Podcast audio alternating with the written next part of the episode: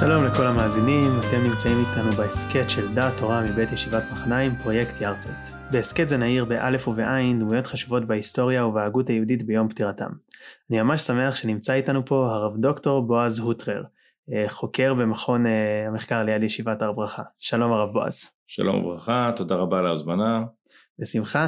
הייתי בעיקר שמח לדעת מה זיקתך אל הרב שמואל מואליבר. הוא דמות שמוכרת בעיקר מספרי ההיסטוריה בתיכון, בישיבות תיכוניות. מה, מה תפס אותך בו? אז ככה, אני הגעתי לעיסוק ברב מוליבר דרך אה, נושא השמיטה.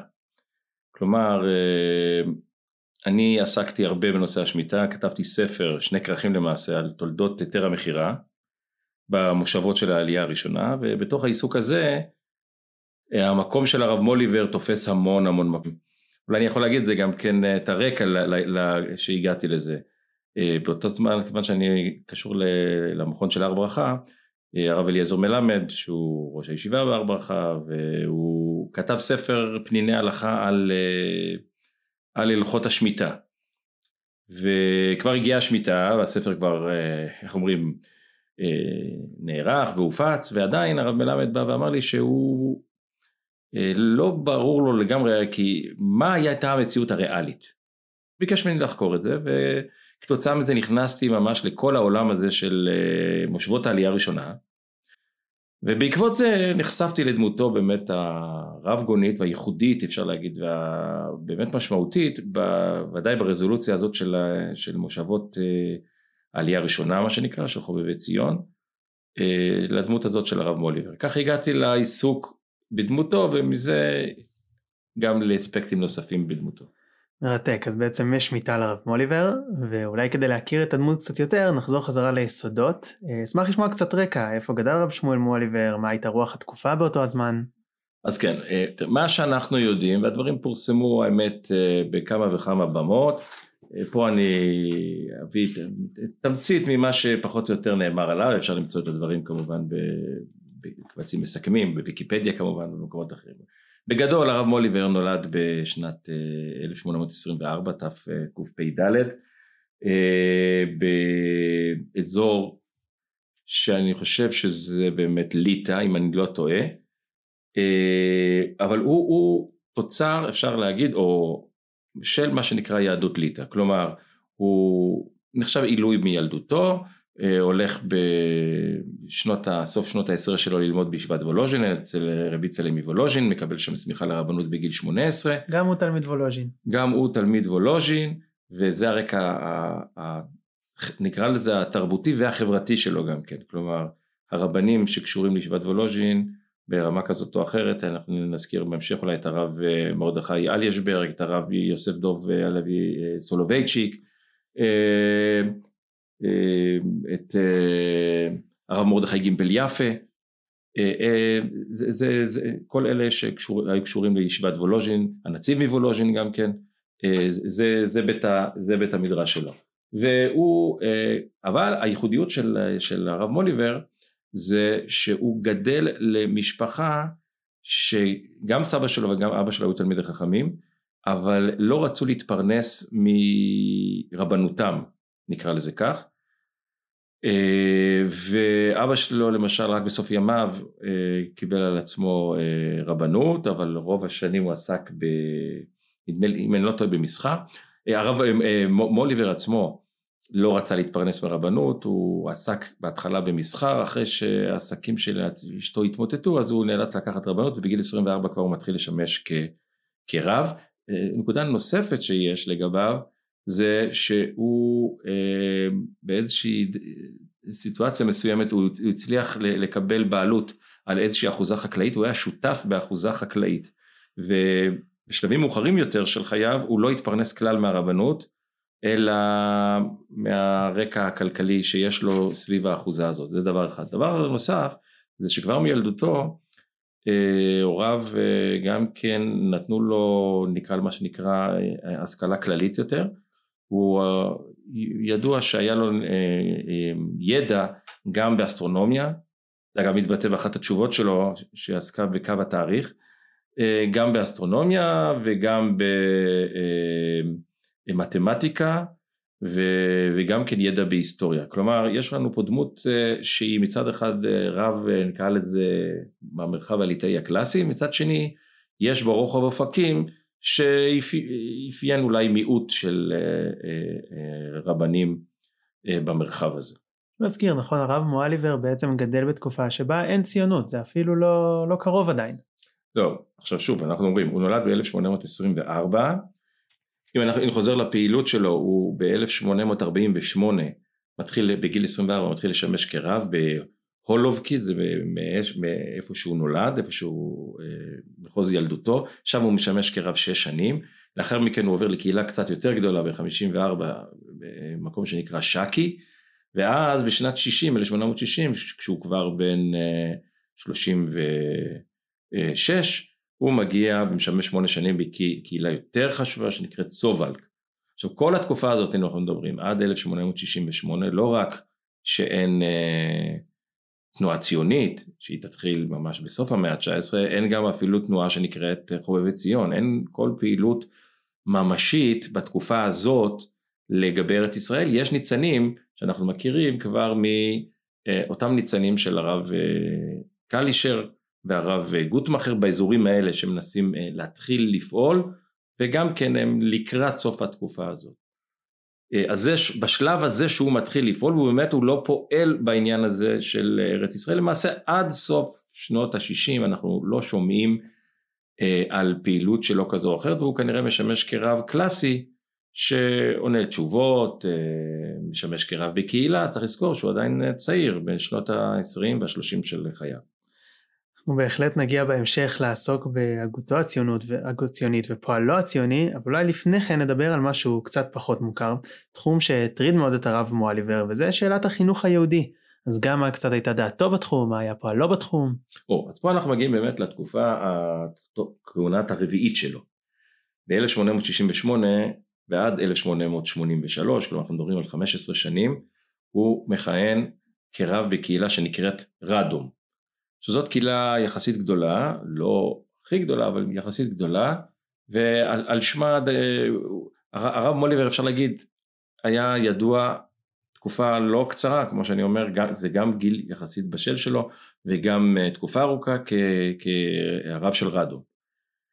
בתקופה הזאת הוא קודם כל הוא נחשב אה, כאחד מגדולי התורה אה, בדור כלומר נביא כאנקדוטה כי אנחנו נראה בהמשך שהוא פתאום הכיוון שלו מקבל תפנית מסוימת ביחס לארץ ישראל לשיתוף פעולה גם עם חילונים משכילים דבר שלא מקובל על חלק מהרבנים האחרים אבל אה, הדמות שלו כרב גדול מקובלת על, אה, על נביא דוגמה רב חיים מבריסק כן? רב חיים מבריסק מעריץ אפשר להגיד של, של הרב מוליבר גם עמד איתו בקשרים גם אה, אה, מגיע גם ללוויה שלו כשהייתה ביום שישי ב, אה, יותר מאוחר כמובן הרבה שנים אחרי כן אבל אני רוצה לבטא קודם כל שיש לו מעמד מאוד מאוד חשוב במיוחד כשאנחנו מדברים על התקופה שלו כשהוא ברדום כלומר הוא רב מאוד מאוד מוכר. ראיתי ש... שהרב מאיר בר אילן כותב עליו שאולי קצת אה, העיסוק הציבורי שלו באמת אה, מיעט את הדמות שלו בעיני חלק מהרבנים אבל הרבנים היותר גדולים ממש תפסו אותו כגדול הדור בתקופה. נכון נכון. תראו, תראה למשל הרב אליהו חיים מייזל מלוד שידוע אה, כמתנגד מאוד מאוד גדול גם לחובב ציון גם לתנועה הציונית כשהוא היה חולה הוא ככה מספרים אז הוא כתב מכתב אה, בקשה לרב מוליבר שיתפלל עליו. כלומר מבחינת הרבנים הללו זה לא היה ספק שהרב מוליבר נחשב אוטוריטה תלמיד חכם עצום גדול יש עליו כל מיני כמה וכמה סיפורים על אה, גדלותו. נחשב כעילוי נחשב תלמיד חכם אפשר להגיד אחת הבעיות היא שרוב כתביו נשרפו.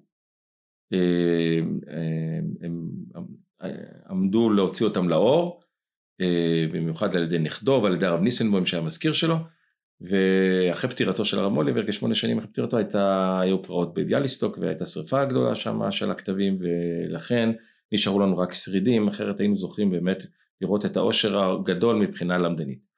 עכשיו אז אני מקדים, הרב מוליבר הוא נחשב כגדול בתורה, בר סמכה, ונגיד עוד דבר, יש עיתון שהוא מאוד משמעותי באותה תקופה לציבור מה שנקרא מלשוננו היום הציבור האורתודוקסי. זה עיתון הלבנון.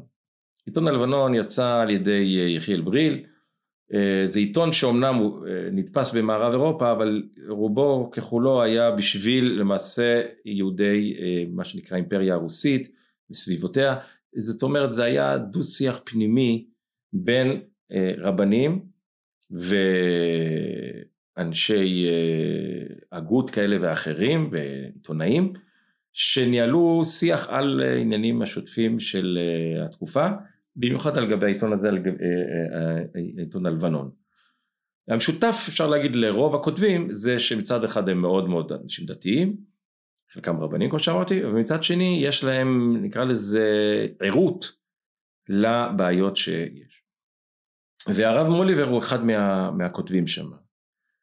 אה, ואחד הנושאים שעולים במיוחד בשנות ה-70, מתחילים כבר שנות ה-60, 70, זה הרצון של אה, אה, האימפריה הרוסית נקרא לזה ככה, מצד אחד, ומצד שני גם כן יהודים ב, ב, בתוך האימפריה, גם אנשים שהם בעלי עמדות כמו הברון גינזבורג וגם מלומדים כאלה ואחרים שרוצים אה, נקרא לזה ככה, להתמודד עם הבעיה היהודית. עכשיו, מהי הבעיה היהודית? היהודים כזכור חיים בצורה יחסית דחוקה, מה שנקרא תחום המושב, ויש איזשהו רצון לקדם את הפיתוח הכלכלי שלהם, ובעיני רבים הוא נתפס גם כתלוי בפיתוח אה, תרבותי. יש ניסיונות כאלה ואחרים, מי שמכיר את אה, בר לוינסון, כן, ריבל, ושהביאו את אה, אה, לילנטל ואחרים, כל מיני כאלה ניסיונות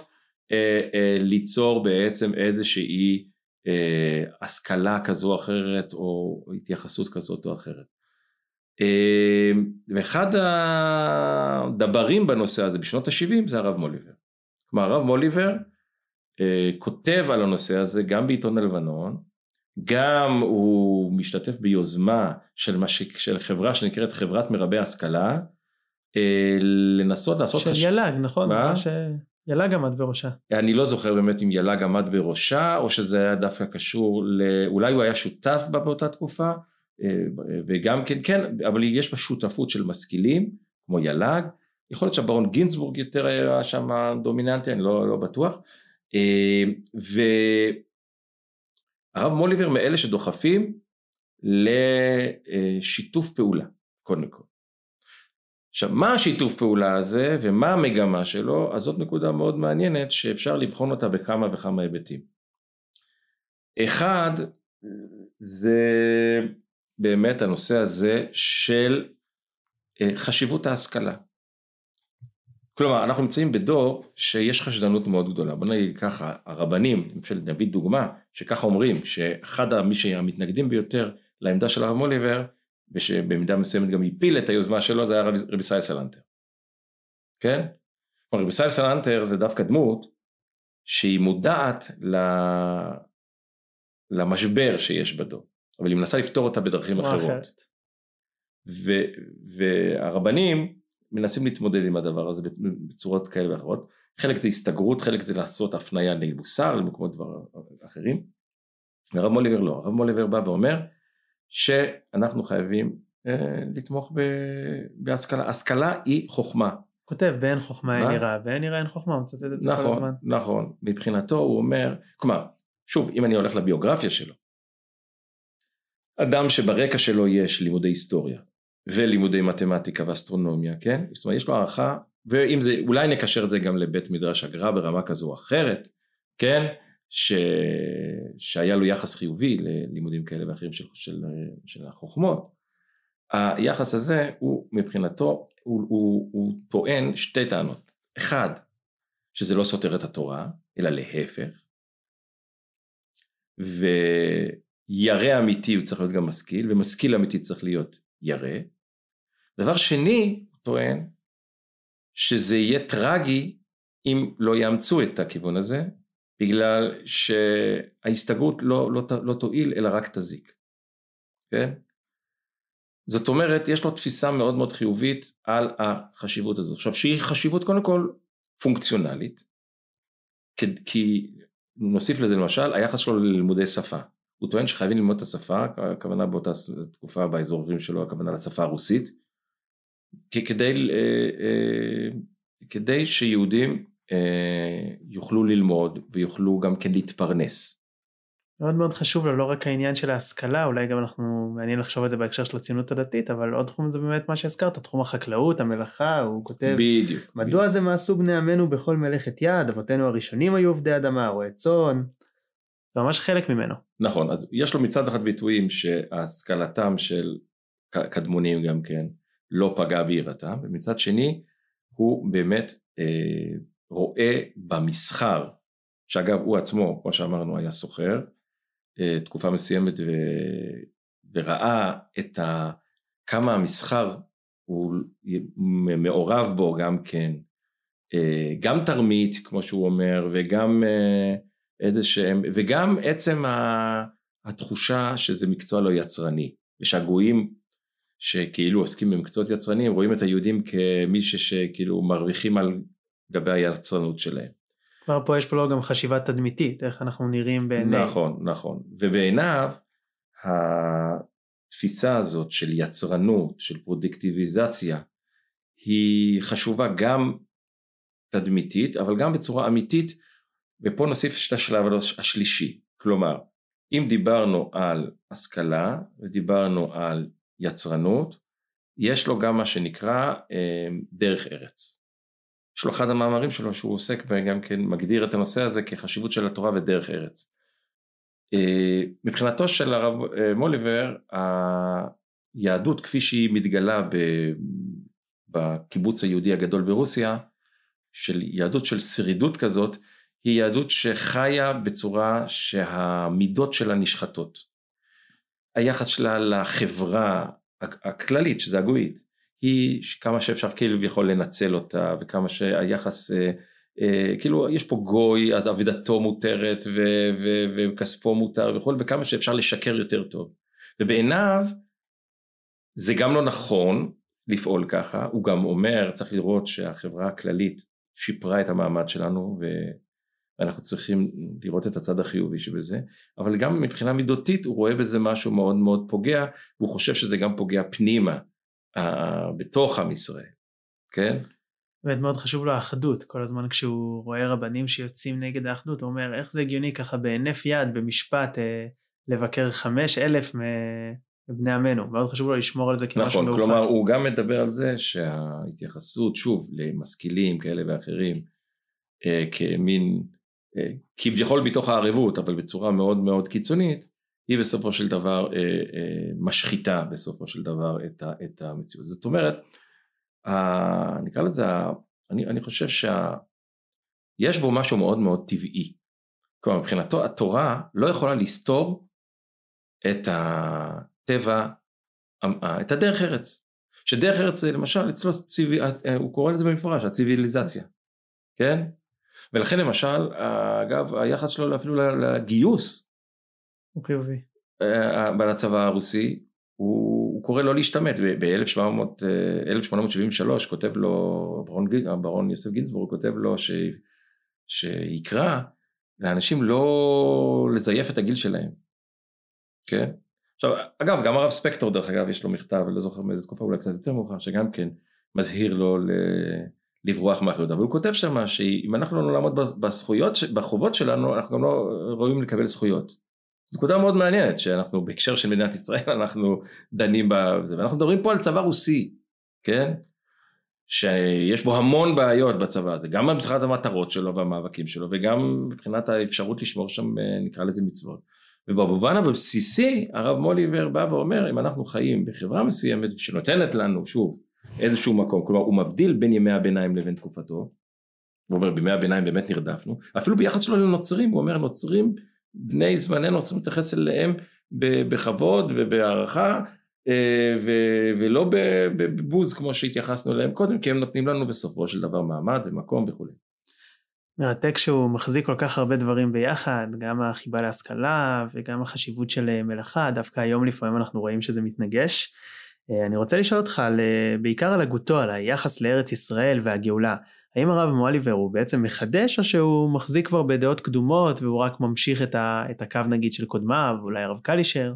עכשיו ככה, קודם כל עד סוף שנות ה-70, עד אמצע שנות ה-70 לפחות, אנחנו לא שומעים על התייחסות שלו מפורשת לענייני ארץ ישראל. ראינו מה שהוא מתעסק לחינוך, אגב אולי עוד דבר לחינוך שקשור אולי קצת לארץ ישראל, אחת הביקורות שלו זה שלא לומדים אה, את פשוטי המקראות ומדלגים על הדברים, ועכשיו שם אפשר אולי לראות שזה יותר קשור להיבט של מוסר הנביאים שהוא רוצה שיפתחו אליו והביקורת שיש אצל הנביאים, אבל אני חושב שזה גם מתחבר לזה כשאתה קורא תנ"ך אתה רואה את המרכזיות של ארץ ישראל ואת הדומיננטיות שלה. עכשיו מה אנחנו יודעים על היחס שלו לארץ ישראל?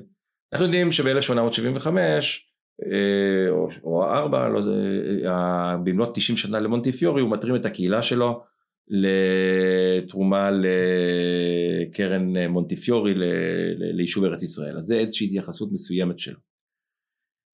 בנוסף אנחנו יודעים ממה שפורסם אחרי פטירתו שב-1876 הוא כותב מאמר אה, על החשיבות של, אה, אה, של ארץ ישראל, כן? ובמאמר הזה אפשר להגיד אה, אני לא יודע אם הוא התבסס, הוא לא כותב על מה הוא מתבסס ונראה שזה ניתוח שלו, אבל הוא מגיע בסופו של דבר למסקנות שמאוד מאוד דומות למסקנות של הרב קלישר. אולי נתמצת, יש לו מאמר שעוסק בענייני ארץ ישראל והגאולה, המאמר של הגאולה, ושם הוא מנתח את הפסוקים, אה, שהתורה מדברת, אה, כאשר היא מדברת על מה שיקרה באחת הנבואות, נקרא לזה, אחרי הקללות, היא אומרת שהקדוש ברוך הוא ישיב אה, ושב השם אלוקיך את תשובתך וירחמך ושב וקיבצך מכל העמים אה, ובהמשך הוא מעל השם אלוקיך את לבבך ואת אה, לבב זריך ואז הוא אומר שמהפסוקים הללו אנחנו רואים שיש שלב ראשון של שיבה לארץ ושלב הבא רק זה שלב רוחני הוא מעל משמע. ממש אצל הרב קלישר בדרישת ציון. נכון, נכון, גם אצל הרב קלישר יש לו בדרישת ציון. אם כי אצל הרב קלישר אם אני לא טועה זה אז הוא, הוא מבדיל בין שב עד השם לאל השם או שאני טועה שזה הרב קוק דווקא אני לא זוכר אני חושב שזה הרב אני חושב שזה גם הרב אלקאי אבל כן יכול להיות. שם הוא לא מבדיל בין עד השם לאל השם שם הוא מבדיל בין השיבה לארץ לאומה לשם אלוקיך שזה שזה השלב הבא. אבל ברעיון שיש שני שלבים שלב נקרא לזה שהחזרה לארץ ישראל היא סוג מסוים שעצמו של תשובה כן? הוא לא כותב את המושג תשובה אבל ברעיון הזה שיש שלב כזה ושלב הבא הוא לא אומר כך כותב הרב קלישר או הרב אלקלעי או, או מישהו אחר, הוא יכול להיות שהוא לא הכיר עדיין את הכתבים שלהם בצורה אה, עמוקה, הוא בכל אופן מדבר על, הש... כלומר מה הוא מדבר שם במאמר הזה?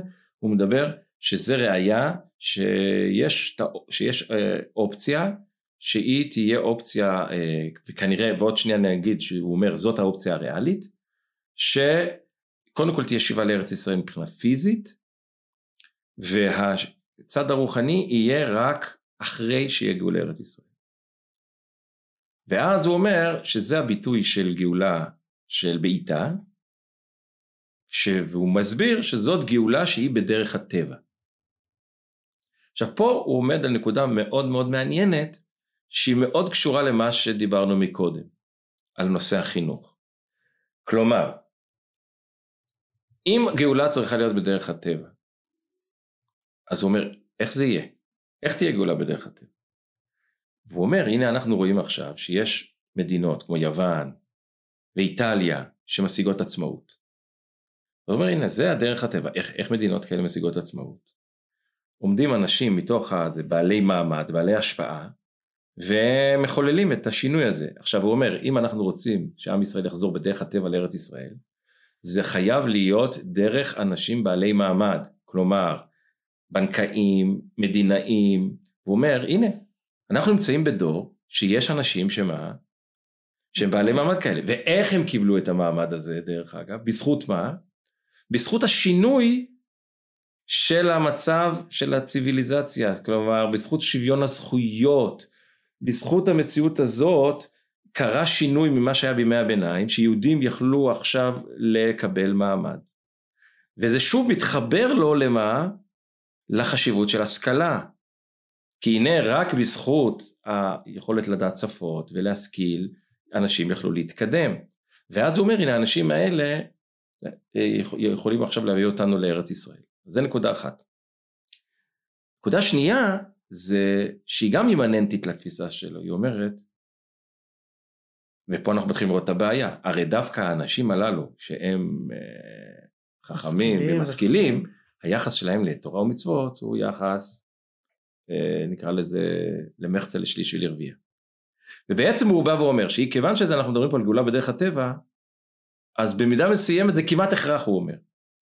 כי אם יש הכרח שמה, שיהודים יעסקו בהשכלה כדי שיוכלו להביא את עם ישראל לייעוד הלאומי שלו, ברוחני, אז אמנם הוא אומר שהיה צריך לנסות כמה שאפשר לחבר את הדברים, אבל הוא לא מתפלא שבברירת המחדל היא שיהיו כאלה, ודאי שאלה שיגיעו לבחיר, לעמדות הבכירות יותר, שמה? שיהיה להם חולשה בדבר הזה. ורק הוא אומר בסוף, כשיגיעו לארץ ישראל נגיע לשלב הבא הרוחני, וגם זה ייפתר, בעזרת השם. אז זה קורה בשנות ה-70. אני פה... כן, עכשיו אם אתה שואל אותי שוב, האם על איזה יסודות זה נמצא, האם הרב קלישר נמצא באמצע, ב, ב, ב, ב, ב, ברקע, אני באמת לא יודע, כי אנחנו לא רואים שהוא...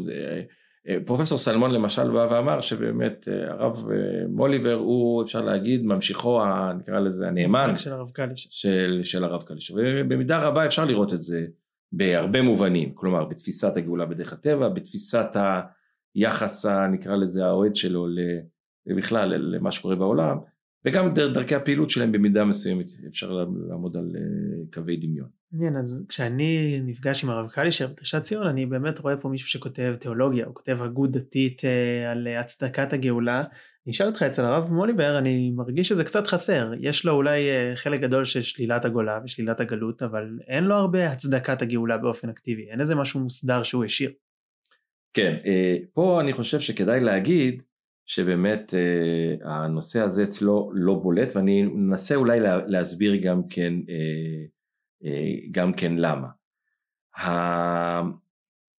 הגישה של הרב מוליבר היא גישה מעשית, כלומר הרב קלישר הוא קודם כל אידיאולוג, הוא מנסח את הדברים, הוא גם מנסה לפעול. אבל הפעילות שלו, בוא נגיד ככה, נשארה אה, ברובה באופן תיאורטי, לא היה לה הצלחה יותר מדי גדולה בתקופתו, ולכן אפשר להגיד, אה, הוא נחשב כמבשר אה, הציון.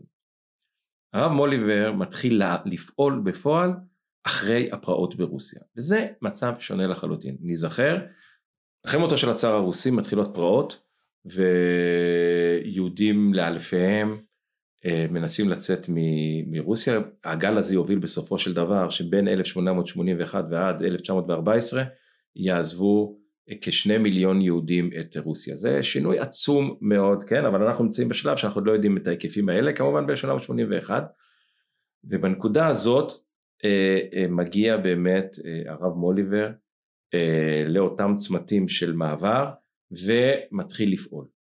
כלומר, אם הרעיונות אצלו אולי, אה, כמו שאמרנו, רעיונות של גאולה וארץ ישראל, היו ברמה היולית כזאת או אחרת אה, בשנות, סוף שנות ה-70, הפעילות המעשית שלו מתחילה כשיש משהו קונקרטי שלא היה בזמן הרב קלישר. כלומר אנחנו מדברים על פתאום משבר גדול מאוד בעולם היהודי בריכוז הגדול ברוסיה והריכוז הזה עכשיו אה, מה לעשות איתו. ואולי נגיד קודם כל טכנית מה הוא עושה. הוא משתתף שם בכינוסים ש... ומנסה לפעול להפניית חלק מהיהודים לארץ ישראל ולא לאמריקה. פועל ביחד עם רבנים שונים בעניין הזה, אה, פועל להקמת, אה, שנה אחרי כן, להקמת אגודת חובבי ציון הראשונה בכל רחבי רוסיה, זו הייתה יוזמה שלו בוורשה, כשהוא עובר בוורשה אז הוא קורא להקים אה, אגודה כזאת, ואחרי כן הוא חובר לאותם אגודות שמוקמות ברחבי רוסיה כדי להקים ארגון, נקרא לזה ארצי, של אה, תנועת חובבי ציון מה שיקרא, אה, חובבי ציון, חיבת ציון, ובמקביל מנסה לגייס, אה, על פי אותה תפיסה שהוא דיבר עליה כבר בשנות ה-70, לגייס את אותם בעלי השפעה ועמדה, חברת כי"ח הוא פונה אליהם, הברון גינצבורג ועוד, ובסוף מצליח לפעול או להשפיע על הברון רוטשילד. זאת אומרת, הרב מוליבר מגיע בתקופה מאוד מאוד מעשית. ולכן אה, זאת אולי אחת הסיבות המרכזיות שהוא לא רואה לא צורך נפשי ולא צורך מעשי לפתח יותר מדי תיאולוגיה ולדון בזה כמו העניין המעשי. עכשיו זה כמו, כמו החשיבות של העניין המעשי. צריך להגיד אולי עוד דבר, באופיו הוא כנראה גם כן יש מעשה. יש, יש, בו, יש בו משהו מעשי, היחס שלו כמו שאמרנו גם כן כנראה מלאכה, חקלאות. כן, חקלאות וגם כן אפילו כנראה הידיעות המתמטיות שלו וכולי, כנראה מביאות אותו לגישה נקרא לזה פשוטה לאפשרות של אה, אה, אה, לפעול בצורה נקרא לזה ריאלית.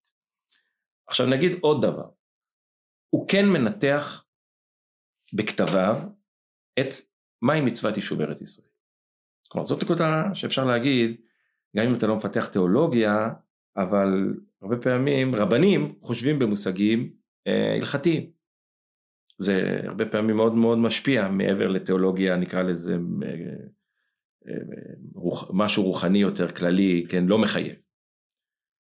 ואת הניתוח שלו של מצוות יישוב ארץ ישראל הוא עושה בכמה כמה מקומות, למשל במכתב מ-1885 תרמ"ו, תחילת תרמ"ו, שהוא כותב לרב, הרב שמחה ביק ממועילוב, ואחרי כן הוא מנסח את זה בצורה יותר מפורטת במאמר שלו, מטרת נסיעתי לארץ הקדושה, הוא נסע לארץ ישראל בראש משלחת חובבי ציון בשנת 1890 בסיוון, ממש עכשיו סיוון, אה, תר"ן, אייר סיוון, הם היו פה בארץ ישראל, ולאחר מכן הוא ניסח את זה במאמר שפורסם בספר אה, בתר"א 91 ספר שנקרא שיבת ציון שהוציא סלוצקי על אה, חשיבות אישוב, מצוות אישור ארץ ישראל. בשני המקומות האלו הוא, וזה עולה מעוד מקומות, הוא מנסח את מצוות אישור ארץ ישראל. ומה שהוא טוען שבגדול המצווה היא כזאת המצוות יישוב ארץ ישראל מחולקת לשני אה, חלקים והחלק הראשון קודם כל ככה זה להוריש לירושת הארץ. ירושת הארץ הכוונה היא להשיג חלקים של ארץ ישראל. אה, פעם במלחמה, ובזמן הזה, הוא מדבר על ימיו בעיקר, זה ב... היתרים, עסקים. בקנייה, בקניין כסף, כן? לקנות, לגאול את הארץ ב- על ידי קנייה. כפי שיעשו חובבי ציון, כפי שיעשה הברון, כפי שתעשה אחרי כן קרן קיימת לישראל, כן? אבל זה שלב ראשון, אתה משיג את הארץ. שלב הבא זה יישוב הארץ, יש, ישיבת ארץ ישראל. שהישיבה מחולקת לשני חלקים.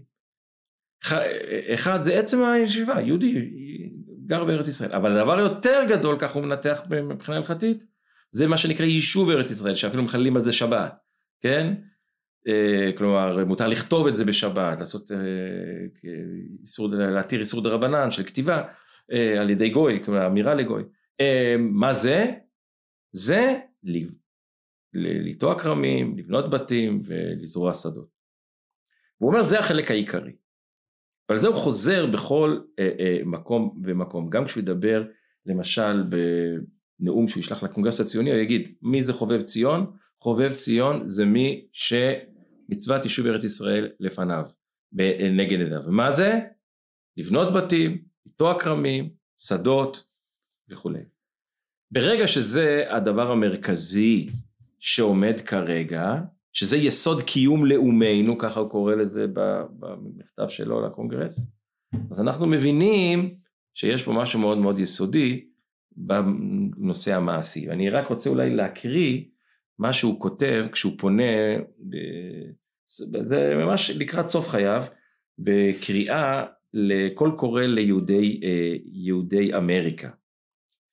והוא אומר ככה, זה שהוא קורא להם לתרום ליישוב הארץ. והוא אומר כך, זה כ-15 שנה החל הרעיון הקדוש, יישוב ארץ ישראל, להתפשט בין העם. הוא כבר קנה ליבות רבים בכל המדינות. 20 קולוניות, מושבות, נבנו בארצנו הקדושה, ואחינו בצרפת, רוסיה, אנגליה ואשכנז, כן, גרמניה ועוד, תומכים בידי האיכרים העובדים על הרי יהודה. בין התומכים האלה נמצא מכל המפלגות ומכל הכיתות.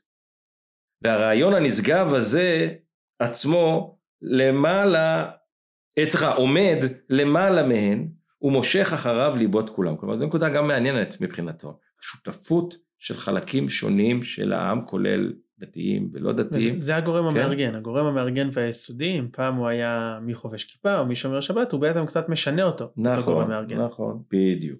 והוא- ובאמת, כל איש ישראל המתבונן בו בשים לב מכל צדדיו וצידי צדדיו, ימצא בו מה שתבקש נפשו, והוא כמן הזה, שכל אחד תואם בו טעמו האהוב לו. את האחד תמשוך המצווה הגדולה ששקולה כנגד כל המצוות, והשני רואה בו עקבתא דמשיחא. השלישי חפץ לייסד בקרב ישראל מפלגת איכרים עובדי אדמה, ואחרי הרעיון וההתבוננות, והתבוננות רבה אינו מוצא מקום מוכשר לזה יותר מארץ אבותינו. הרביעי לב רגש בקרבו ואומר ארצנו שממה ועל, ועלינו לבנותה. עמנו מפוזר ודורש מרכז. ואיפה מרכזו אם לא ארץ קודשנו. החמישי, השישי, הוא עושה שלוש נקודות, כאילו כל אחד יש לו נימוק שלו וכן הלאה, ונמצא כל ישראל מכוונים את ליבם למקום אחד. אני חושב שזה מבטא מאוד מאוד את הרצון שלו שלא להיכנס, למרות העמדה אולי האישית שלו, כן? לא להיכנס לשאלה הגדולה או נקרא לזה הדקדקנית, מה בדיוק יהיה ב... ב... מה שיקרא לימים שאלת התרבות. נכון. עכשיו, זאת נקודה מאוד מעניינת שלא יודע אם ניכנס לזה עכשיו או עוד מעט, ל, ל, ליחס שלו ל, לשאלת התרבות ולאחד העם, שהוא קצת רומז לו פה כבר עכשיו, למרכז. התפיסה של אחד העם היא שארץ ישראל צריכה להיות מרכז רוחני.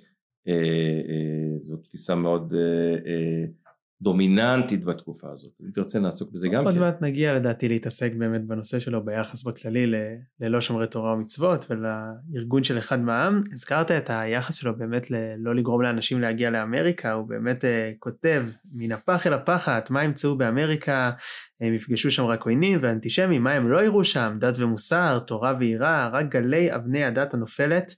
אה, והוא גם כותב שמכל ההמולה של הדולרים והסנטים לא נשמע קול אמנו הזקנה הקוראת לבניה, יכול להיות שלימים אה, הוא גילה שזה קצת לא נכון, בסופו של דבר בנו שם אה, מרכזי תורה יחסית גדולים, אבל אני כן אשמח אם תוכל לספר לנו קצת, בסופו של יום הרב מוליבר ידוע בתור רבם של חובבי ציון, המקים של חיבת ציון, אולי קצת תספר לנו על ההקמה של התנועה, איך הרב מוהליבר, מה מקומו שם. או, זו נקודה מאוד מאוד באמת מרכזית. ופה זה גם מתקשר קצת ל, ל, לנושא הזה של אמריקה. כלומר, אה, הפעילות הראשונה שלו היא באמת עם התחלת הפרעות, הוא מוציא קול קורא ביחד עם כמה רבנים, אה, בראשם הרב יוסף דוב הלוי סולובייצ'יק בעל בית הלוי, והרב אליהו חיים מייזל מלודג', אה, והם מוציאים אה, אה, קריאה להפנות את העולים לארץ, לארץ ישראל, אבל הם מדגישים גם כן שהעלייה הזאת תהיה עלייה מוסדרת, מכוונת, בצורה ריאלית. ולא בחיפזון ולא כן. בבהלה, עכשיו, כי, כי פה צריך להגיד נקודה שהיא מאוד תלווה את הרב מוליבר בהמשך, אולי אני אביא כאן אה, אנקדוטה סיפור אחר. אה, הרב אריה לב פרומקין, שזה גם דמות שפעם אולי כדאי להתעסק בו, אה, שהוא גם כן היה יהודי שהגיע קצת יותר מאוחר, הגיע לפתח תקווה, אבל הוא מספר שכשהוא הגיע, כשהוא רצה לעלות לארץ, אנחנו מדברים בתחילת שנות ה-80, ממש בתקופה הזאת, הוא פנה לרבי ישראל סלנטר, ושאל אותו מה הוא אומר על יישוב ארץ ישראל, לאן ללכת, לאן אנשים, לאן, לאן הפליטים צריכים ללכת. והוא אמר לו, הפליטים צריכים ללכת לאמריקה. אז הוא אמר לו, הם ישמרו שם תורה? הוא אמר לו, לא, הם לא ישמרו תורה. זאת אומרת, למה לא לארץ ישראל? הוא אומר, כי כשהם הגיעו לארץ ישראל, אז הם יהיו כל כך עניים, שהם משם יגיעו לאמריקה. כן? כלומר, מה שהיה חשש שלו זה הנושא של העניות, של, ה, של האי יכולת הכלכלית.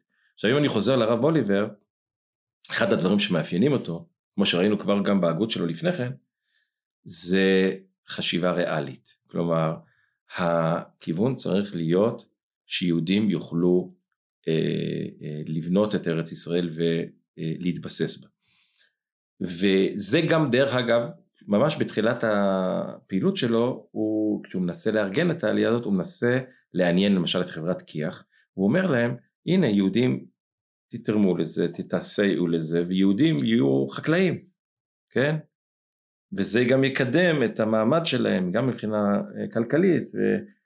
כלומר החשיבה שלו... עם כי"ח הוא לא כל כך מצליח, מה? נכון? לא, בשלב הזה הוא לא מצליח עם כי"ח, לא. בשלב, מי בש... כן נרתם לרעיון?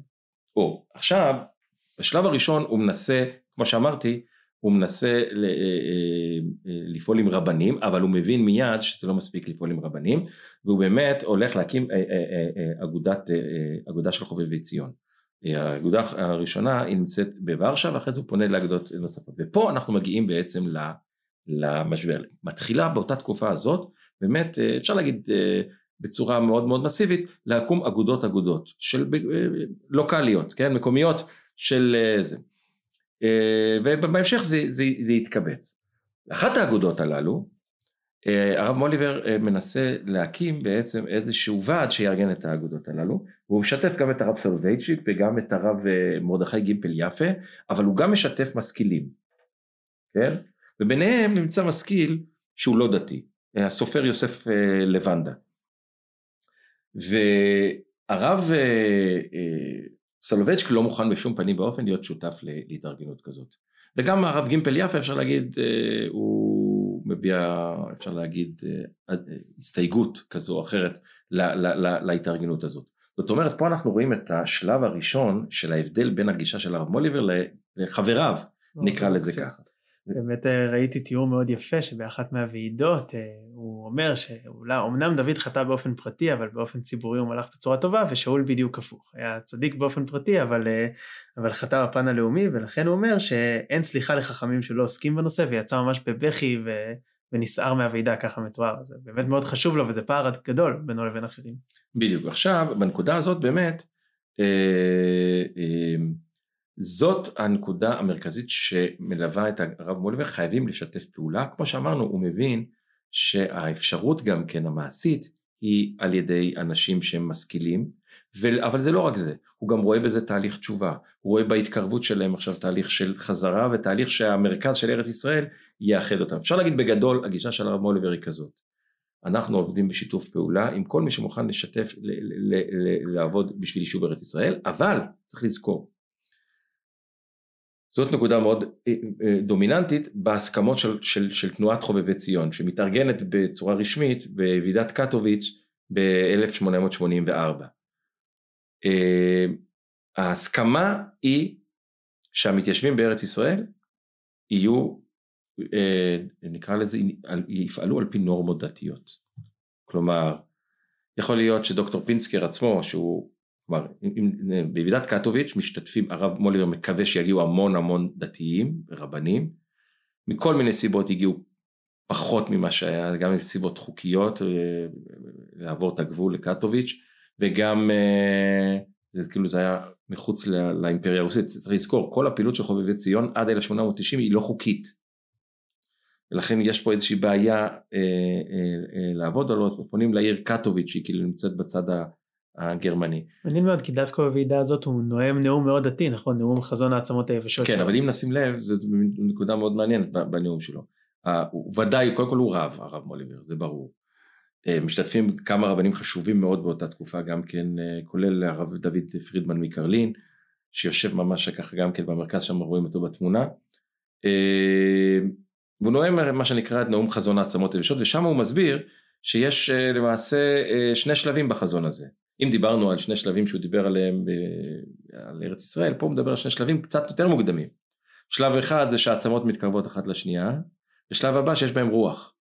ומבחינתו העצמות מתקרבות אחת לשנייה על ידי האנטישמיות. האנטישמיות גרמה לכך שפתאום יהודים אה, מגלים סולידריות אפילו בין אנשים שהם דתיים, בין עובד אלוקים לאשר לא עבדו. כי כולם יהודים בעיני הגויים. אבל הסולידריות הזאת זה לא מספיק, צריך שיהיה רוח, והרוח הזאת זה מה שהוא רואה בוועידת קטוביץ', כלומר הרוח לפעילות למען יישובי ארץ ישראל. אז זה אולי נאום דתי, אבל הוא לא לגמרי דתי, הוא לא מדבר פה על קיום תורה ומצוות, אה, הוא לא מדגיש את הדבר הזה, הוא מדגיש את הצד החומרי של יישוב ארץ ישראל, את הפעילות הזאת, היא, היא מבחינתו תחייה רוחנית. אתה חושב שהוא משלים עם אה, עקרונות חילוניים שהוא כבר רואה בעולם, או שיש פה איזה משהו פרגמטי כזה שהוא פשוט מנסה ליצור שיתוף פעולה גדול יותר? אה, אני לא חושב שזה רק פרגמטי, אבל אני גם לא חושב שהוא ב... חושב בסובלנות, אין לו איזה טולרנטיות לחילוניות. כלומר, הוא, הוא כמו שראינו גם ברעיונות שלו משנות ה-70, הוא מאמין שזה חזרה, ש, שחזרה לארץ ישראל תביא גם חזרה לאמונה ולתורה ומצוות. וצריך לזכור גם כן שתמיד השיתוף פעולה הזה הוא שיש הסכמות. אה, כל הזמן שאנחנו נראה בהמשך הדיונים על איך מתנהגים המתיישבים בארץ ישראל, זה, אה, זה ברור שאסור שיהיה חילול שבת. שוב, לא נכנסים לצד הפרטי של האדם, וגם הוא אומר, חוזר על זה בהמשך, אנחנו לא דנים לאדם הפרטי מה הוא עושה, אבל בפרהסיה, ההתיישבות בארץ ישראל זה ברור לכולם שהשותפות עובדת על זה שאנחנו מדברים על תנועה שמקבלת על עצמה שיש שמירת שבת, כשרות, אה, שהנורמות הדתיות הן מאפיינות את ההתיישבות. אז אולי באמת ניגע בזה ביחס שלו לחילונים או ללא שומרי אה, תורה ומצוות ומסורת אה, ואולי ניגע בפולמוס על יהודי גדרה בעצם תנועת הבילויים שהתיישבה שם ואנחנו קצת יודעים שלא כולם מה שנקרא שמרו תורה ומצוות וזה מגיע לאיזשהו פולמוס והרב מואליבר לוקח בו חלק. נכון עכשיו צריך לזכור שוב הנושא הזה מאוד מאוד מורכב כי הוא נובע מכמה וכמה סיבות צריך לזכור כך, תנועת, כמו שאמרנו, תנועת אה, אה, חובבי ציון אה, מתחילה להתרקם בסנוף, בתחילת שנות ה-80, כן, שנת 82 אה, מתחילים לארגן את זה, בשנת 84 אה, יש אה, את הוועידה בקטוביץ', כאשר פינסקר נבחר להיות ראש תנועת חובבי ציון והרב מוליבר הוא חלק מה, מההנהגה. אה, ב-1887 אז יש ועידה נוספת של חובבי ציון ושוב נבחר הרב מוליבר כאחד מה שנקרא הגבאים הראשיים ולצידו גם נמצאים רבנים חשובים נוספים הרב מרדכי אלשברג והנציב אה, מוולוז'ין. בכל התקופה הזאת אה, יש לחובבי ציון תחת חסותם בסך הכל שלוש מושבות. פתח תקווה אה, שהוקמה עוד לפני אבל היא להגיד, אה, היא מקבלת את החיזוק שלה בתקופה הזאת, פתח תקווה, גדרה וייסוד המעלה. עכשיו, אנחנו מדברים בפתח תקווה, אנחנו מדברים על כמה עשרות משפחות. מדברים ביסוד המעלה, גם כן מספר מצומצם יותר, אבל גם כן אה, כמה, נדמה לי כמה עשרות. כשאנחנו מדברים על גדרה, מה זו גדרה? גדרה הוקמה על ידי אנשים של תנועת בילו. עכשיו תנועת בילו תכננה בהתחלה לתנועה גדולה מאוד, היא באה מאנשים סטודנטים משכילים והיו לה גם רעיונות מאוד מאוד נקרא לזה רחבי אופקים, אבל בסופו של דבר מתנועה שהכילה בהתחלה כמה מאות אנשים עם ההגבלות על העלייה לארץ על ידי השלטון הטורקי התנועה הזאת מאוד הצטמצמה ובסופו של דבר הגיעו לפה עשרות שהתחלפו ביניהם ומדובר פה על אנשים רווקים ברובם בסופו של דבר גדרה מוקמת על ידי תשעה בילויים סך הכל. בשנים שאנחנו מדברים עליהם, שנות ה-84, 85, 86, 87, מגיעים, בגדרה יש עד 15 איש.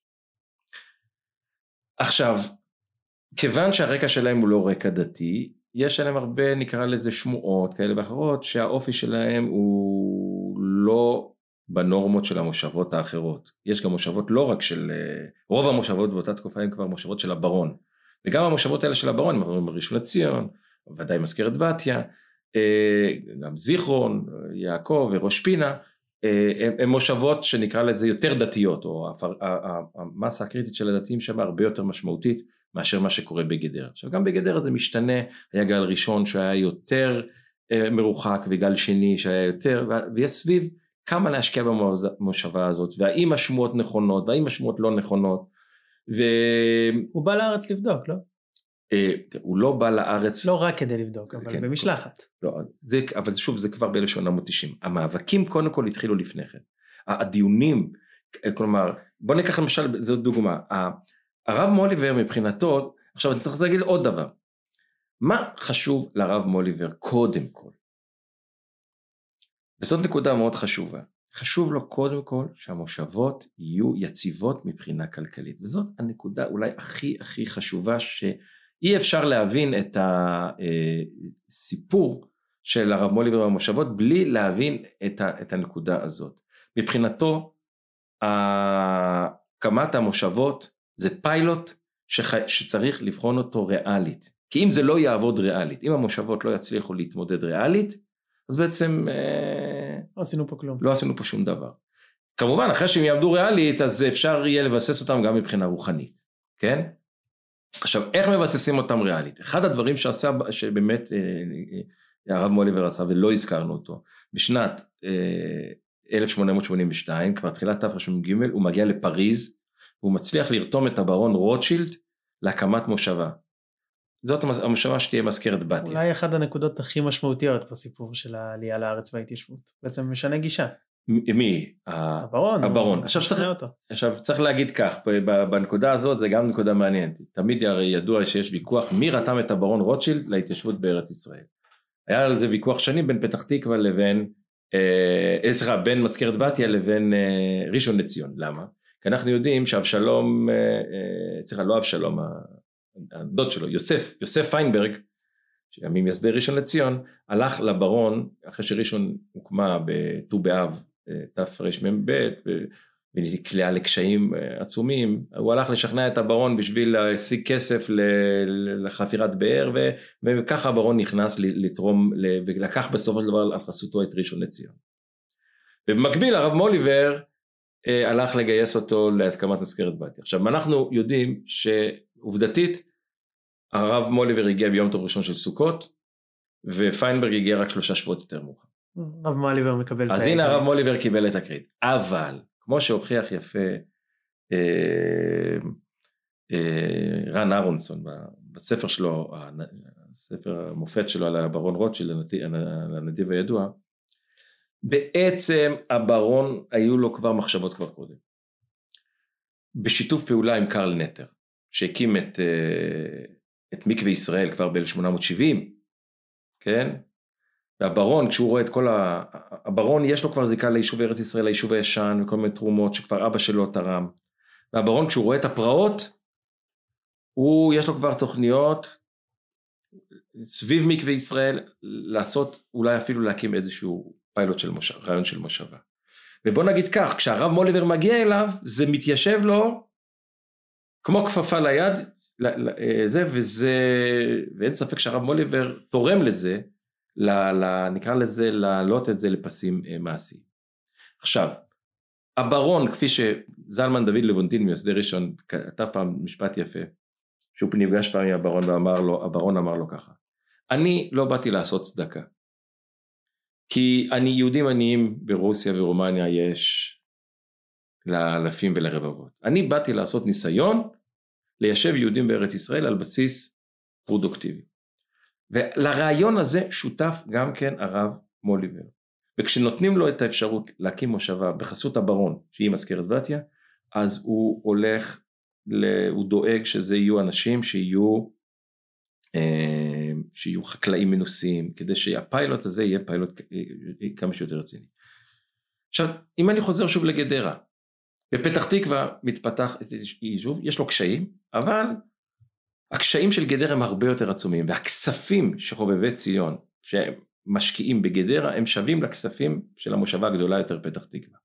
כשאתה מצרף לזה גם שאנשי גדרה הם, כי בגדרה יש בעיות מקומיות, השטח קטן, אין אישורי בנייה, כן? והברון לא מוכן לסייע לגדרה. למה? למה הברון לא מוכן לסייע לגדרה? משתי סיבות. אחד, מבחינתו הם מהפכנים.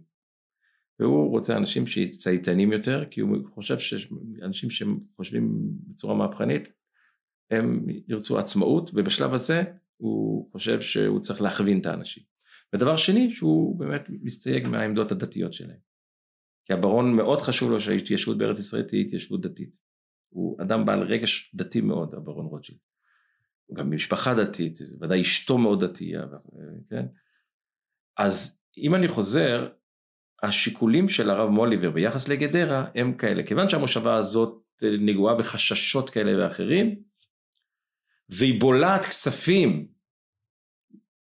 אה, בצורה מאוד משמעותית, אז צריך לפתור את הבעיה הזאת. ואפילו עולה הווה אמינא של להחזיר אותם לרוסיה ולהביא אנשים אחרים. איך הוא פותר את הבעיה? אבל זה מעורר התנגדות עצומה באגף המשכילי, ושבראשו עומד אה, משה לב לילימלום שהוא בעצם מזכירו של פינסקר והוא מבין הרב מוליבר ש... וגם מתברר שההשמצות כנגד אנשי גדרה הן מוגזמות וההתנהלות שם כמושבה היא התנהלות מסורתית נקרא לזה פלוס וגם יש להם אחראי רבי חיל מיכאל פינס שלוקח אחריות עליהם. הרב מוליבר ממנה אותו לא? מה?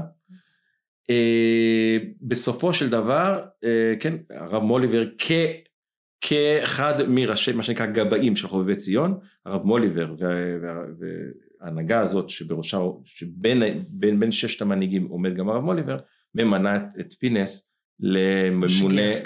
לממונה רוחניות. אה, רוחני נקרא לזה של של הוא- אנשי הוא באמת של- מסנ- של גדל. הוא באמת מסנגר עליהם, הוא גם אומר שהם לא כל כך שונים, אה, לא נכון, יודע, ציבור נכון. יהודי רגיל ברוסיה. נכון והעמך. נכון וכאשר הוא מגיע ב-1890 לארץ והוא עושה סיור במושבות הוא, הוא באמת כותב את זה הוא אומר שאני ראיתי שכל מה שאמרו על אנשי המושבות כאן זה השמצות וזה לשון הרע וזה שקר ובאמת הרמה שלהם הוא אומר יש בהם צדיקים יש בהם בינוניים והם לא יותר גרועים ממה שקורה בערים אחרות והאמת שזה היה נכון. כלומר זה לא רק יש דווקא חוקרים אפילו סלמון כתב ככה ואחרים שכאילו שהוא הגזים, הוא שהוא הגזים שיש פה איזה עליהם. האמת שזה לא נכון זה, לדעתי זו ראייה ממש, ראייה ממש ריאלית כלומר התפיסה שלו את המציאות היא נכונה ואגב זה לא רק בשנים האלה זה גם בשנים המאוחרות יותר כל מהלך תקופת העלייה הראשונה בסך הכל הנורמות הדתיות במושבות הן הנורמות המקובלות כולל בגדרה. אם אנחנו כבר עוסקים ביחס שלו לחילונים אה, מאוחר יותר, מה היית אומר שהיחס שלו לבני משה בעצם לאגודה שאחד העם הקים? עכשיו זאת נקודה מאוד מאוד מעניינת. אה, נזכיר קצת מה זה אגודת בני משה. אה, התופעה בכלל של אגודות אה, הייתה תופעה נקרא לזה בינלאומית, כן? זה מתחיל מהאגודה של הבונים החופשיים, כלומר זה מין אגודות סתר ש... שמתקשרים אליהם צעירים ומנסים לפעול לטובת אה, רעיונות בדרך כלל אה, רעיונות אנושיים כאלה ואחרים, חברתיים, עזרה סוציאלית ולפעמים רעיונות יותר אה, גדולים.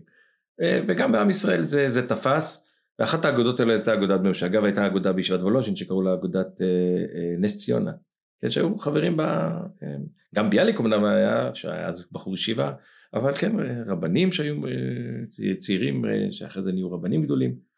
אותו דבר הייתה אגודת בני משה. עכשיו צריך לזכור מי זה אחד העם. אחד העם הוא בסך הכל אה, עדיין איש שמתחיל כוכבו לדרוך, הוא בא ממשפחה חסידית, אבל הוא עוזב את השמירת המצוות, אבל אין לו דגל אנטי דתי.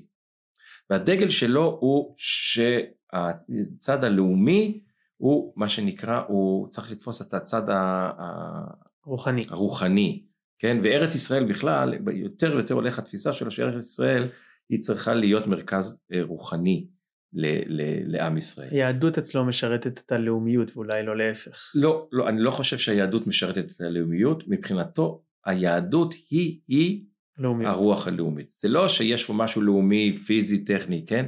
אלא היהדות היא מושג כל כך עמוק, שזה הרוח האומה, כן? המושג רוח האומה, המושג הגרמני הזה, תופס אותו מאוד מאוד חזק.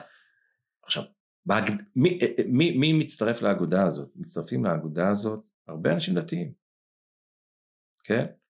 דתיים יותר, דתיים פחות, אבל מאוד מתחברים לדבר הזה, ובאידיאל של, של הגישה זה גם לא סותר בהכרח את התורה המצוות, להפך, זה רק אומר שהתורה והמצוות הם צריכים להיות בעלי אופי יותר אה, לאומי. סתם דוגמה, אם תיקח מאמר כמו אפיקים בנגב של הרב קוק, שמדבר על הרעיונות הלאומיים שיש במצוות, זה יכול כמו כפפה ליד להתאים לחבר אגודת בני משה, והיו כאלה, יהושע ברזילי, והיו אחרי כן פה גם כן הרב ברוך חומה שהיה חבר פה, ואריה לב גורדון, כל מיני יהודים דתיים שגרו בארץ ישראל, שחברו לאגודת, לאגודת בני משה. עכשיו, צד שני, אחד העם הוא, הוא לא אדם דתי. ויש חשש, שלפעמים מתברר כנכון, שאנשים שעובדים עם ואחד העם עצמו, הם, המוטיבציה שלהם היא להדגיש, דווקא בגלל הדגישים הלאומיים, זה יכול לבוא על חשבון השמירת המצוות. ואני לא יודע אם ניכנס לזה יותר מדי, אבל uh, מה שקרה בארץ ישראל זה שהתחיל מאבק בנושא הזה בין קבוצה uh, דתית לאומית שרצתה לי להתוות את הכיוון לבין החברים של בני משה. אני מדבר על רבי יחיאל מיכאל פינס, רבי זאב יעבץ ורבי אייזיק בן טובים, במיוחד יעבץ ופינס שהיו גיסים, הם אנשים אידיאולוגיים. יעבץ הוא היסטוריון, פינס הוא הוגה דעות, ויש לו רעיונות מאוד מאוד חשובים, צריך לזכור, פינס הוחרם על ידי קנאים בירושלים, כן? אנחנו מדברים פה על אנשים שהם לא המיינסטרים של הציבור, נקרא לזה, שמה שמכנים אותם, אני לא אוהב את הביטוי הזה, היישוב הישן, כן? אלא יש להם רעיונות מאוד מאוד דתיים לאומיים, וחברים, ב... ואפילו היו חברים בהתחלה באגודת בני משה. אבל בגלל גם יחסים מורכבים עם אישי, בין אישיים, עם הפעילים של בני משה, וגם בגלל שפינס באמת מזהה שאצל אחד העם זה מוביל לכיוון שהוא בא להחליף את הצד הדתי, כן? הוא, פינס עושה מלחמה בעניין הזה. והרב מוליבר לא מוכן להשתתף במלחמה הזאת. הוא עוד פעם מגשר בצד האחדות. עכשיו זה גם המגשר וגם כי הוא מקבל מידע, אחד הוויכוחים הגדולים זה מה קורה בבית הספר של חובבי ציון שבעצם לקח, בני משה לקחו עליו את החסות שלהם אה, ביפו, היה בית ספר ביפו, הבית ספר תכלס היה מנוהל על ידי נורמות דתיות. ואפילו גיסו של הרב מוליבר, רב יעקב הינדין שהוא משפחה חסידי חב"ד, שלח, הנכד שלו למד שמה, והוא אומר לו תשמע אני יודע מהמשפחה שלי שהכל בסדר שם, יש תפילות, יש לימוד תורה וכולי. מצד שני אחד המורים שמה, אה, גרזובסקי, יהודה גור גרזובסקי, אה, היו עליו טענות שהוא מזלזל במצוות ומטיף כאילו לכיוון אה, של ללמוד את התנ"ך בשביל הצד הלאומי ולא בשביל הצד הדתי, כן? רב מוליבר שוב הוא כבר היה בארץ ישראל הוא שמע כבר את ההשמצות וגילה שזה לא כצעקתה, וגם במקרה הזה הוא חושב שצריך אה, אה, לקחת את הדברים בפרופורציה. עכשיו, יש חוקרים, גם סלמון, גם אהוד לוז, שאומרים הנה הרב מוליבר כבר, אה, איך אומרים, מזדקן והוא לא, לא מבין לאן הרוח נושבת, אני לא חושב שזה נכון. אני חושב שהוא מאוד מזדהה קודם כל עם זה שמצוות צריכות באמת גם כן היבט לאומי. והוא חושב גם שהמאבק הזה הוא מזיק, האמת היא כזאת, ולכן אני חושב, והוא, והוא, והוא ער לזה שיש אנשים כאלה, אבל הוא מבין שבסופו של דבר כמה שאנחנו נחזק יותר את האגף הדתי, זה יהיה דומיננטי יותר. עכשיו זה נכון שכמו שאמרתי מקודם, הוא יותר עוסק בצדדים הריאליים. אביא לזה שתי דוגמאות. כשהרב אריה פרומקין מגיע לפתח תקווה, הוא גם מקים אחוזה חקלאית, אבל הוא גם מקים בית ספר. וזה אולי הבית ספר הדתי-לאומי הראשון שהיה בארץ ישראל. שפעם ראוי לייחד עליו, ומי שעומד מאחורי הבית ספר הזה, זה הרב עזריאל הילדסיימר. שהוא מתווה את הכיוון, בכיוון של סגנון ה... יהדות גרמניה, תורה עם דרך ארץ. כן. וזה באמת אה, היה בית ספר מאוד מאוד ייחודי שם שהיה במזכיר, בפתח תקווה. והרב מוליבר כותב למישהו שיכתוב לרב אילדיסהיימר שלא צריך להשקיע כל כך כרגע בפתח תקווה בנושא של חינוך. כי הם ממש בשלב ראשון עכשיו, אני מדבר על 84. עכשיו צריך לדאוג שיהיה להם עיזים, שיהיה להם בתים, שיהיה להם אינבנטר חקלאי, כן? אה, חינוך, אה, אין בעיה כרגע להביא מלמד מירושלים שילמד אותם וכולי וכולי, כן? זה נקודה סיפור אחד. סיפור שני, ב-1890 מוקמת, אה, תר"ן מוקמת המושבה רחובות. רחובות מוקמת דרך אגב על ידי בעצם סביב חבורת בני משה, והרב מוליבר הוא מה, מה, מה, מהדוחפים מאחוריה, גם קונה שם חלקה משלו. וכשמגיע אליהו זלמן, אליהו זאב לוין אפשטיין, שהוא ראש אגודת מנוחה ונחלה של, של רחובות, והוא מגיע לספר בחוץ לארץ, בוורשה, לספר כמה הוא בונה את המושבה, אז הוא אומר, הקמנו אה, גמ"ח, והקמנו תלמוד תורה, והקמנו זה, ואז הרב מוליבר עוצר אותו ואומר לו, שלחנו אותך להקים מושבה, לא לספר לנו על המוסדות גם הנוספים שהקמת שם. זאת אומרת, הוא מבין זאת אומרת חשוב לו החינוך אבל אם דיברנו שבשנות ה-70 החינוך זה הדבר הכי מרכזי בשלב הזה מה שהכי מרכזי בעיני הרב מוליבר זה וצריך להבין את הרקע המושבות עוד עשרות שנים לא, יהיו תלויות בעצם בכספים במיוחד של הברון רוטשילד. והרב מוליבר חשוב לו שהמושבות יעמדו על יציבות כלכלית וזה הדבר המרכזי שהוא, שהוא משקיע את חייו. בעצם גם בזה הוא לא לגמרי אידיאולוג, יש לו איזה שהוא מוכן לעשות איזה שהם פשרות כדי באמת להצליח לייסד איזשהו קרקע פוריה שתצמיח משהו אחר. נכון אבל שוב כי היא, חלק מהאידיאולוגיה שבזה זה ההבנה שכל הרעיונות שדיבר עליהם, כל האפשרות של השכלה ודרך ארץ ו- וציוויליזציה ו- ו- ו- ומוסר וכולי, זה יכול להתגשם בסופו של דבר רק בארץ ישראל. אבל זה יוכל להתגשם בארץ ישראל רק אם אנחנו נצליח לבסס את, ה, את, ה, את, את ההתיישבות. אפשר לראות לזה גם יסודות במאמר שלו על אה, עושר האדם, שלפני שמתחילים את העושר הרוחני ואת כל השלבים המתקדמים צריך איזשהו בסיס פיזי, צריך גם לעסוק באוהלם הזה. נכון, נכון, נכון. אה, עוד איזה נקודה שאנחנו יודעים, הזכרת שהוא היה בקונגרס הציוני, הוא לא היה בעצם בקונגרס, אבל הוא שלח את נכדו, דוקטור יוסף מואליבר, כדי לשאת דברים. הוא בעצם יוצר קשר עם הרצל לקראת סוף חייו, הוא כבר חולה, אז הוא לא יכול להגיע בעצמו. מה אנחנו יודעים על הקשר שלו עם הרצל? מה דומה, מה שונה, במה הם שיתפו פעולה? אז זאת נקודה מאוד מאוד אה, חשובה. אה, ידידי אחיעזר ארקין כתב על זה חוברת מאוד אה, יפה ומאוד שמעצימה נקרא לזה את פועלו המדיני של, של הרב מוליבר. ופה צריך להגיד שהנושא הזה קצת מורכב. זאת אומרת צריך להבין קודם כל מה זה התפיסה של הרצל לעומת חובבי ציון. יש בעצם מתח מסוים בין חובבי ציון לבין זה אולי אני אקריא איזושהי פסקה כאשר הרב מוליבר, אה, אה, אה, כאשר הרב מוליבר נפטר, כן? אז רק שנייה אחת.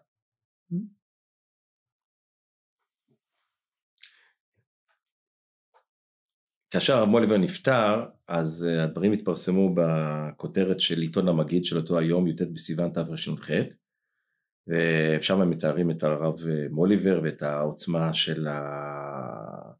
של השפעתו וכולי, והם אה, אה, אה, כותבים גם כן, מזכירים פה משהו על התנועה הציונית, ואני אקריא את זה, כי כל בני ישראל ידעו את ערכו הרע וכולם כאחד יישאו את הענייה והענייה לאבדה הגדולה אשר עבדה לעמנו במותו ואשר אין לה באמת כל תשלומין.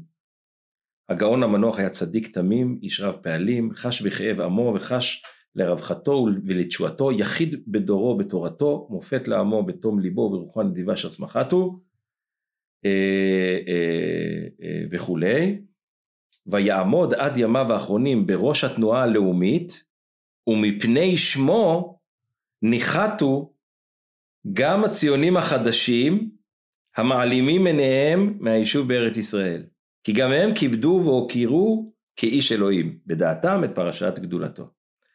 אנחנו רואים פה ביקורת בעיתון המגיד, שזה שופר של חובבי ציון, ביקורת על התנועה של הרצל, שבעצם באה ואומרת, אנחנו לא מתעסקים כל כך ביישוב ארץ ישראל, אלא בונים עכשיו, הולכים עכשיו להפיק ה...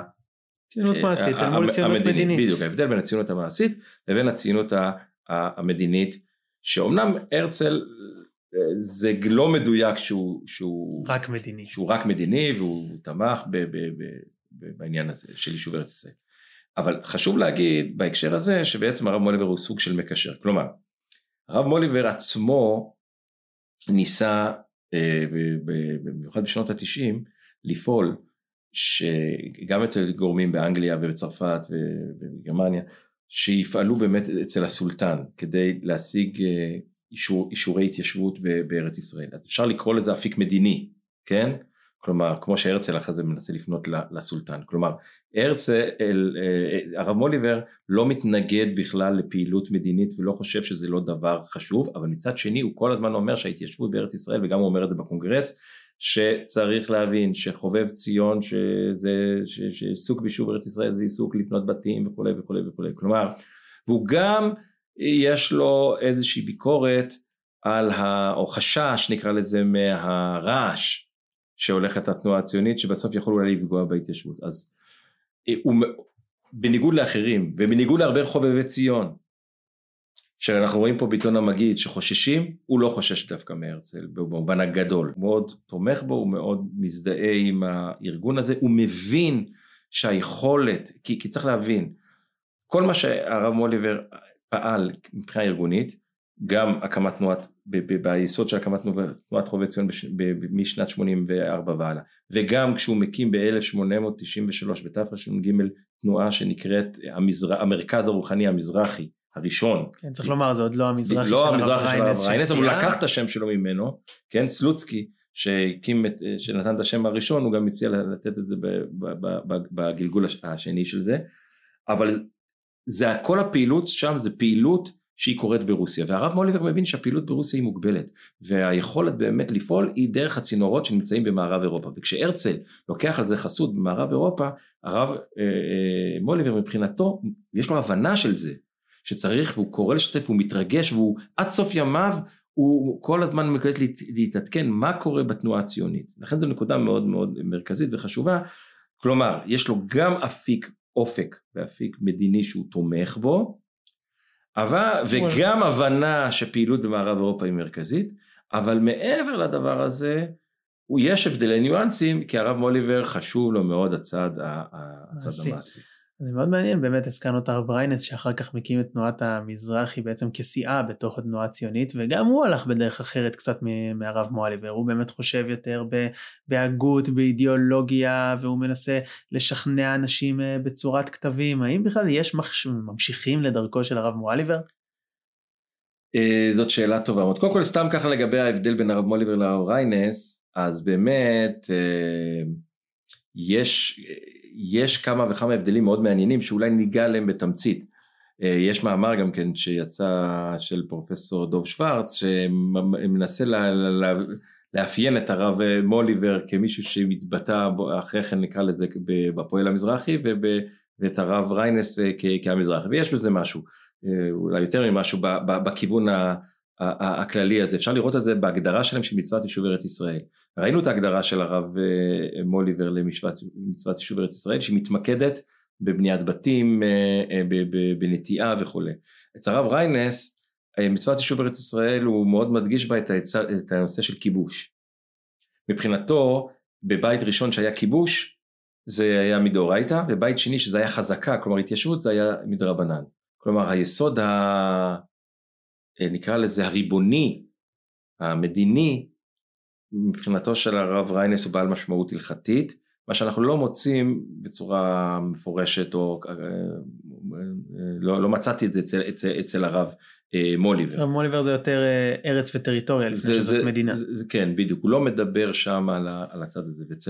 עכשיו אפשר לראות את זה גם כן אולי בהבדל, שוב זה לא היה בימיו של הרב מוליבר אבל לגבי הצעת אוגנדה.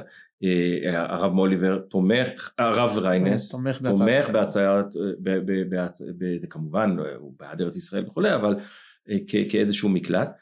אה, אצל הרב מוליבר אנחנו מכירים סיפור שמספר אותו מנחם מנדל אוסישקין שכאשר היה ניסיון של הדובר של הברון הירש לשכנע אותם ללכת לארגנטינה אז אחרי הוא אומר הוא זוכר שב-12 בלילה השעון תקתק ואחרי שהוא דיבר אותו נציג במשך איזה שעתיים אז הרב מוליבר אמר לו, כבוד המרצה, כבוד האדון, הדברים שלך מאוד יפים ואפילו הגיוניים, אבל אנחנו הולכים לארץ ישראל.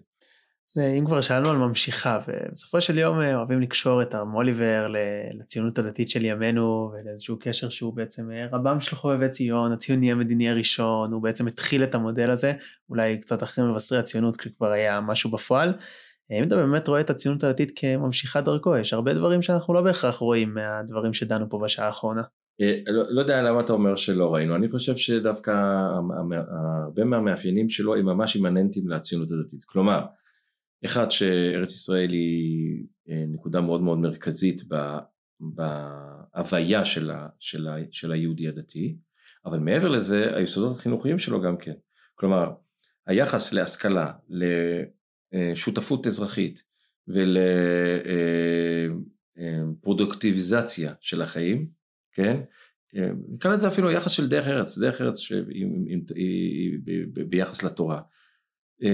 היא, היא אני חושב אחד מהדברים שאולי מבדילים היום במידה רבה בין ציבור דתי לאומי באידיאולוגיה שלו לבין הציבור החרדי נקרא לזה ככה. שוב היחס להשכלה, היחס לעבודה אה, והיחס לדומיננטיות של מצוות יישוב ארץ ישראל. ככה שאני דווקא חושב שאם רוצים לקחת אה, מישהו שמבטא בצורה מאוד מאוד ברורה את המאפיינים האלה ואני חושב שאותו דבר גם דרך אגב אצל הרב ריינס וגם אצל הרב קוק אבל במיוחד ניקח את הרב ריינס אה, הפעילות הציונית הלאומית שלו למען יישוב ארץ ישראל היא במקביל לפעילות שלו לייסד אה, את הישיבה שלו בלידה שהיא ישיבה של אה, משלבת תורה והשכלה. כלומר היחס לחיים למציאות, אני חושב שהיא דווקא מאוד מרכזית אצלו. אה, האם אין על גבי איזה קומה נוספת של התמודדויות שהרב מוליבר, כמו שאמרנו, השאיר אותם לשלב מאוחר יותר, אז זה נכון שאין לנו הרבה כל כך כתבים שלו וכן, אה, ש, שנשארו בהיבט הזה, אבל ממה שנשאר וממה שאנחנו ראינו גם בנושא החינוכי וגם בנושא הפעילות הלאומית שלו וההבנה שלו שצריך לשתף פעולה על בסיס משותף, אני חושב שזה יכול להוות בסיס מאוד מאוד מרכזי והוא עומד בתוך תפיסת העולם של, של ציבור דתי לאומי בצורה מאוד מאוד אה, אה, מרכזית. מאוד הזכרת את הכתבים שלו שבאמת אה, הרבה נשרפו ולא נשארנו הרבה אנחנו בסוף כל פרק מבקשים אולי איזה המלצה למי שמתעניין ועניינו אותו ובסופו של דבר זה היה יורצייט 125 שנה לפטירתו כן. של הרב מואליבר. כן. אמ, אז אה, הזכרת סתם אני רוצה מהצד שלי לומר שעיינתי בשבת בכמה תשובות שלו יצא ספר במוסד הרב קוק אה, שו"ת מוהר"ש מואליבר זה מרתק שאנחנו מכירים אותו מספרי ההיסטוריה אבל הוא כותב כפלפלן ותלמיד חכם יש לו תשובה לכנסייה שמשתמשים בה לבית כנסת שהוא דן בעשרות עמודים שקלא וטריא מאוד רצינית ועל מקווה במשאבה זה מאוד ממליץ סתם להכיר עוד צד אה, אחר שבו מה המלצותיך לגבי קריאה. אה, קודם כל אני, אני רוצה אולי להוסיף עוד דבר שהוא גם קשור לדבר הזה, אה, שלא עסקנו בו כמעט, למרות שמבחינתי אני ככה הגעתי לנושא הזה, וזה אה, היתר המכירה, כן? פולמוס, פולמוס השמיטה. ופה זו נקודה מאוד מאוד מרכזית, זאת אומרת לצערנו לא נשארה התשובה שלו, כן? אבל הרב מוליבר אה, אה, אה, מתייחס לנושא הזה משני היבטיו. כלומר, כל ההתייחסות היא, הרי מה את השאלה, האם, האם אנשי המושבות יכולים לעבוד ברמה כזאת או אחרת בשנת השמיטה, אה, גם בשנת תרמ"ט, שזו הייתה השאלה הראשונה, וגם בתרנ"ו. ובעצם בשתי השמיטות האלה הרב מוליבר מתיר את העבודה, ובמידה רבה הוא מתיר אפילו הרבה מהמלאכות לעשות על ידי אה, אה, יהודים. ופה אנחנו רואים גם כן את הקו ההלכתי שלו, הוא קודם כל מנתח את הדברים מבחינה הלכתית, ומגיע למסקנה שזה מותר, אבל מעבר לזה עומדת השאלה הפרקטית, האם uh, צריך uh, uh, uh, uh, בפועל, יש בזה צורך, וזאת שוב נובע, התפיסה שלו היא שהיישוב חייב לעמוד על בסיס uh, uh, ריאלי, כן? ועל, ועל בסיס הזה, אפשר להגיד, הוא מפעיל את ההיתר, הוא לא רק מתיר, אלא מפעיל את ההיתר. אז קודם כל, לצערנו אין לנו את התשובה המפורס... הגלויה, הגדולה שלו על נושא טרם מכירה למרות שכבר נערכה לדפוס בשנת תרנ"ה או נ"ו והרב ניסנבוים אפילו ערך לה כותרות וכולי אבל היא נשרפה כנראה בין אה, כל כתביו בין רוב כתביו. אה, אז לו יצויר שאם שהיה לנו את התשובה הזאת אני חושב שזה היה דבר אחד המרכזיים כדי כדי uh, ללמוד אותו. אפשר אבל... למצוא טעימה לזה בספרך, נכון? כן, אה, בספר שלי יש כן גם המון המון התכתבויות שלו, אבל אני חושב שבאמת אולי הדבר הכי uh, מרכזי ש, שראוי ללמוד אותו זה באמת את הדברים שהוא כותב ב, ב, בנאום שלו לקונגרס הציוני. דברים זמינים אפילו באינטרנט. כן, ושם הוא עומד על שניים שלושה יסודות מאוד חשובים. יסוד קיום לאומנו זה קודם כל, קודם כל יסוד הווייתנו הוא כותב זה התורה, זה נקודה ראשונה. דבר השני, שזה חייב להיות ברור, דבר שני שארץ ישראל יסוד קיום לאומנו במובן החשוב של יישוב ומצוות יישוב ארץ ישראל, והדבר שלישי שאנחנו כולנו אחים שעובדים ביחד. היסודות הללו, אני אומר, חשוב תמיד לחזור אליהם. להנכיח אותם גם היום. ולהנכיח אותם גם היום.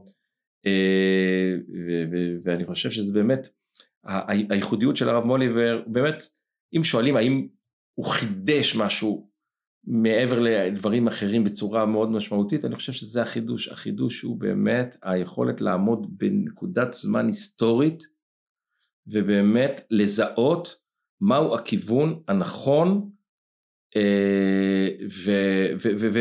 ולהחזיק בו חרף זה שיש אה, המון מתנגדים מכל הכיוונים. והיום יותר קל לנו להגיד אה זה ברור, זה ברור, ברור שארץ ישראל זה הדבר המקום המרכזי וכולי, אבל מה שלא היה ברור אז היה ברור לו וזה באמת ראייה למרחוק שלו. מרתק, אז אני באמת מקווה שהיום ביורצייט שלו, 125 שנה לרב מוליבר, הצלחנו קצת להחזיר את הרע ליושנה, לדבר עליו וקצת לדבר על הדמות ועל פועלה, אז תודה רבה לך הרב בועז. תודה לך, יישר כוח גדול. באמת זו הזדמנות לחזק את העיסוק באמת במשנתו ובתורתו ובפועלו של הרב מוליבר. תודה. תודה רבה ולכם המאזינים מוזמנים להישאר מעודכנים בפלטפורמות ההסכתים להסכתים נוספים שייצאו. תודה רבה.